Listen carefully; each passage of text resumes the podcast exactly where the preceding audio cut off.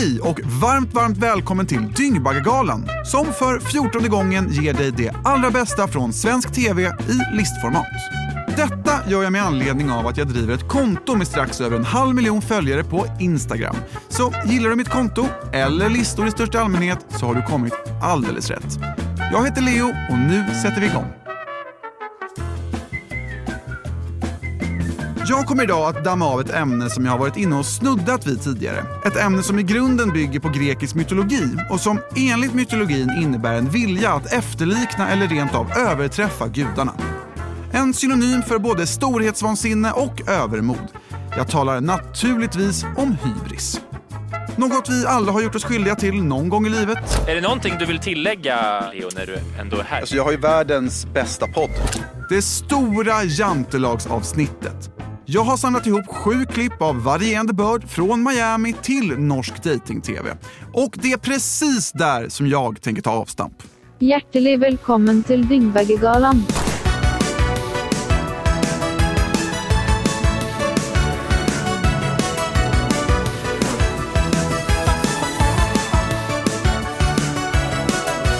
Sveriges Television så sänder man i Norge tv-programmet Första dejten. Eller som det heter där borta, Første date. ett datingprogram i vilket kärlekstörstande människor paras ihop och går på blind dates. Även om väl tanken i grund och botten är att människor ska finna likasinnade att dela sina liv med så händer det ibland att det inte riktigt klickar. Ibland är människor helt enkelt mer nyfikna på sig själva än på andra.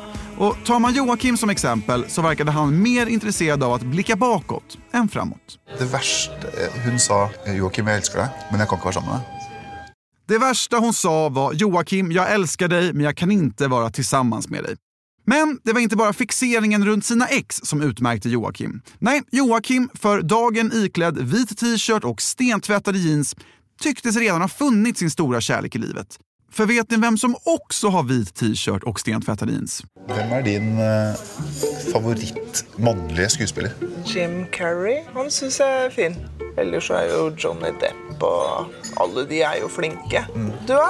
Ja, altså, det var jo et litt lurespørsmål, for at jeg, jeg, jeg, En lite ledande fråga. på Insta for eksempel, så kaller jeg meg selv for The Norwegian Rock, fordi jeg er huge fan av The Rock. Ok. Og så, så har jeg med Og du ser, og jeg tenkte jeg bare skulle vise Det er jo ikke rart altså, Hvis du ser hvor like vi er altså, Det er jo dønn likt. Liksom. Nei, så jeg, jeg, kødder litt nå, altså. Men det er bare Men det er jo faktisk sant. men, jeg bare, men jeg bare ikke- tenkte at det var en litt Han sånn er litt grovere, da. Bitte litt grovere. Men det er det jeg jobber meg opp til. ikke sant? Få se. Han er kjekk, han altså. jeg vet ikke, jeg bare, jeg har fått sånn, jeg bare fikk sånn oppheng på han. Litt sånn man crush-aktig nesten greier. For at han er veldig sympatisk fyr. da. Veldig liksom fin fyr. Men med litt mat til dere? Yes. Snabbt översatt till svenska så håller Joakim alltså upp en bild föreställande skådespelaren Dwayne The Rock Johnson, som han enligt egen utsago är så pass lik att han kallar sig själv för The Norwegian Rock. Om de är lika? Sanningen, ja, den finns i betraktarens ögon.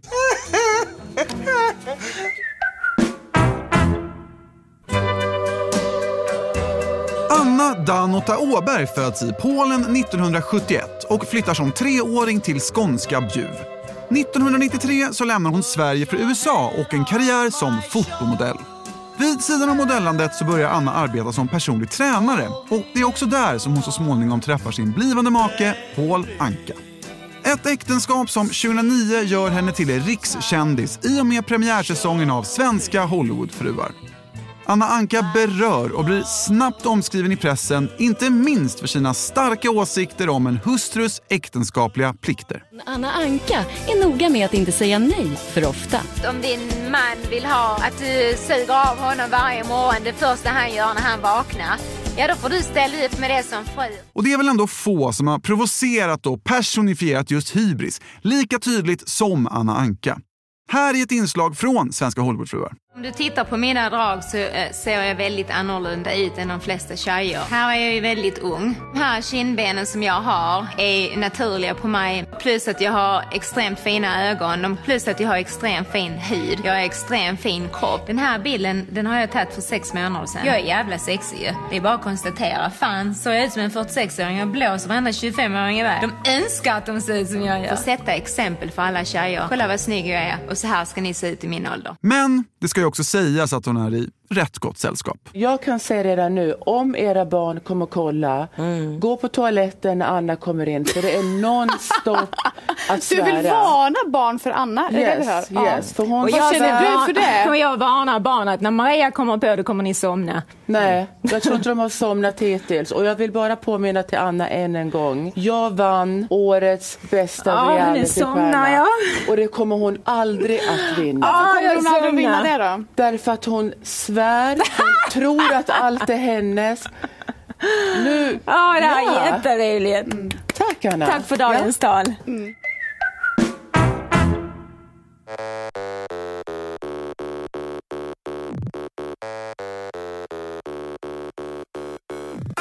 Axwell, Steve Angelo och Sebastian Ingrosso utgör tillsammans house-trion Swedish House Mafia.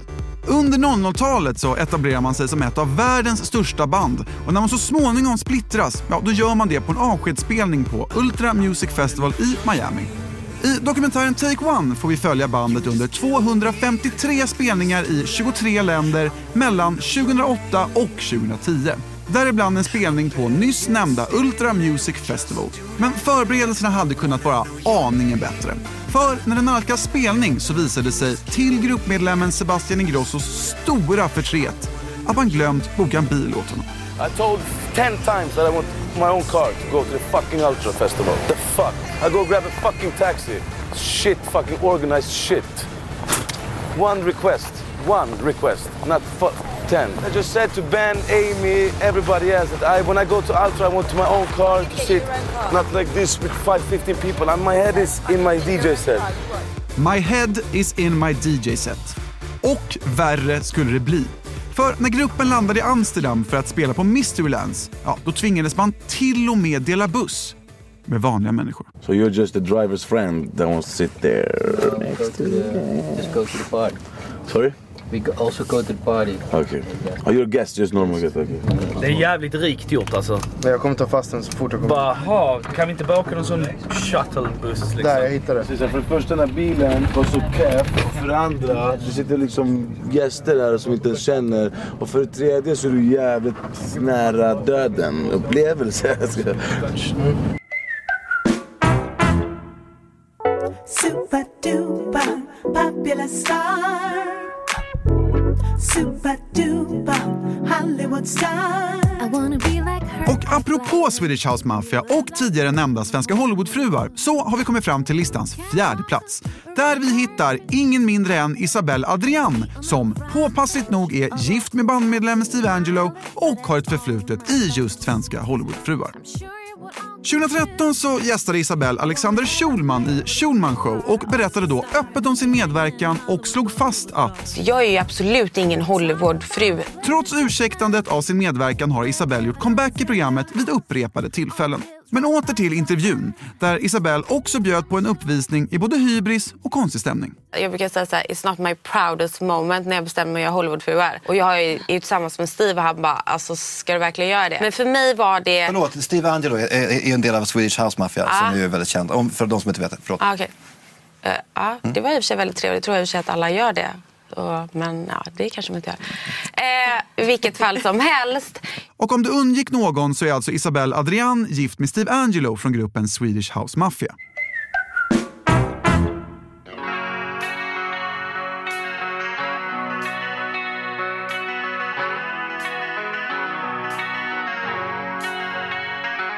På tredje plats så hittar vi Lars Johan Yngve Lannerbäck, mer känd som Yngvi Malmsteen. Och det går liksom inte att göra en sån här lista utan Yngvi. För det finns väl få människor som har utmanat den svenska jantelagen så som vår käre hårdrocksgitarrist. But people kept on telling me to slow down. You know, I said, hey, slow down. Oh, yeah, yeah. You know, remember, less is more. And I always said, how can that be? How can less be more? It's impossible. More is more. 1988 så är Yngwie på väg till en spelning i Tokyo tillsammans med sitt band Rising Force. Bandets keyboardist är flygrädd och bestämmer sig för att stilla flygnerverna med en liter vodka, vilket även Yngwie tycker är en strålande idé. Drickandet tar inte slut där, utan istället så beställer man in flaska på flaska och bestämmer sig också för att testa olika typer av sliskiga likörer. Bandet flyger första klass, så baren, ja, den är så att säga fri. Men Rising Force är ju såklart inte ensamma i första klass. Högljudda och hänsynslösa så retar man gallfeber på medresenärerna. Och när keyboardisten plötsligt skickar en dambinda dränkt i Bloody Mary i en medresenärs mat så får man till sist nog. Kvinnan hämtar en stor karaff isvatten och tömmer den helt sonika över en märkbart tagen Yngwie Malmsteen. Och plötsligt så har det berusade rockbandet inte lika roligt längre. Handgemäng utbryter och till och med piloten får sig en smäll i tumultet som uppstår. Tids nog så börjar folk lugna ner sig. Alla förutom Yngwie som är fortsatt rosenrasande. Me! Excuse me! I see it and I feel it! I don't fucking deserve this shit! I paid for a first class ticket, I don't need a fucking cunt come up to me and do that shit! See you in Tokyo, bitch! Det här ska fan, det här, det här! Nu jävlar, nu jävlar! Nu jävlar! You release the fucking fury! You release the fucking fury! Forget about it! I was sitting here and all of a sudden this bitch comes and just fucking pours all this water over us. I killed that fucking mother. I killed that motherfucker. I killed that motherfucker. Come on! Stackars, stackars oskuldsfulla Yngwie.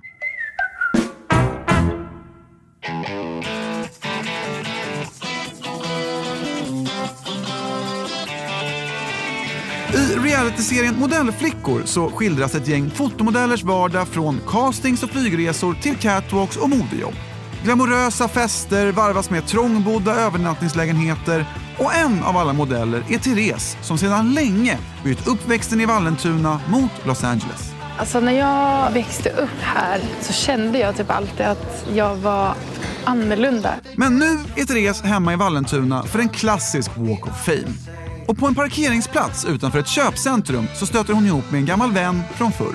En eh, vän vars liv kanske inte nödvändigtvis har präglats av så värst många röda mattor eller champagnecocktails. Men som kanske inte nödvändigtvis heller har saknat ett liv präglat av röda mattor och champagnecocktails.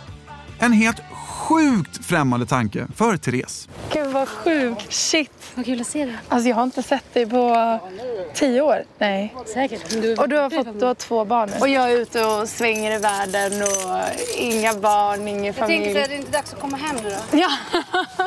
Men trivs du då? Känns det bra? Du, du drömmer inte om att leva mitt liv och resa och bara Du, Jag tror det är lite sent screw this. Jag in på lite tidigare. Ja. Så roligt. Puss puss. Det är ganska mörkt, det är det. Men sånt är livet för en fotomodell. Man känner sig väldigt speciell, väldigt unik. Alla människor är unika men man är väldigt unik.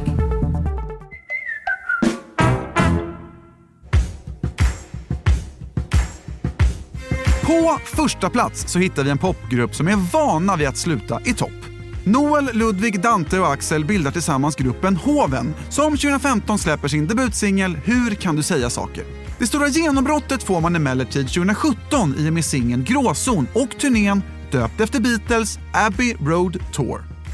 2017 släpper man också sitt självbetitlade debutalbum och blir nominerade i fyra kategorier på musikgalan Rockbjörnen. Året därpå, 2018, gör bandet storslam på samma gala och vinner inte mindre än tre priser. Men allra mest minnesvärt det blir ändå intervjun med programledaren Adam Pålsson. Iklädda pälsjackor, solglasögon och en stor portion hybris. Orkar ni ställa er upp? Ni sitter ner. Okej, är det du som pratar? Okej, 2017, det var ett bra år för er också. Vad sa du? 2017 var ett bra år för hovet. Ja, det var det. Berätta, Det var bra. vad, vad gjorde ni? Eh, ja, Okej, Gjorde vi säger så här då. 2018, vad ska ni göra då? vi får väl se. Ja, det är underbart. Det är på väg. Liksom. Ja, ja, ja. Vi får se. Vad säger ni, ska vi fortsätta? Nej. Vi tackar. Tack hovet. Tack hoven och tack till dig som har lyssnat på Dyngbaggegalan om hybris. Där vi bland annat har stiftat bekantskap med Norges The Rock och Vallentunas drottning. Nästa vecka är jag tillbaka med säsongens sista lista då en kavalkad av ofrivillig humor signerad Sveriges roligaste riksdagsparti utlovas. Missa inte det! Och missa inte heller att höra av er till mig på Instagram med synpunkter där jag heter Violene eller Dyngbaggegalan. Den här podcasten är producerad och utgiven av Novel Studios med mig, Leo Vene. Än en gång, tack för att du har lyssnat. Trevlig helg och god kväll, Sverige. Och det vet vi nu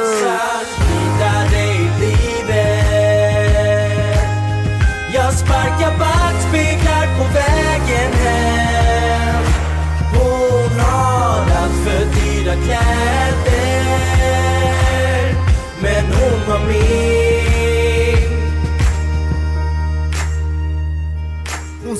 bort din blyertspenna, båda klädd i bläck.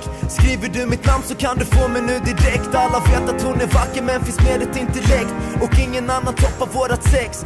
Tårarna ska spruta, inte rinna Hon sa ligga, inte luta. Så vi gråter inte längre. Nu i regnet på en julafton. Och alla våra smycken var i plast. Men ändå vart det dyraste jag haft. Så nästa gång vi ses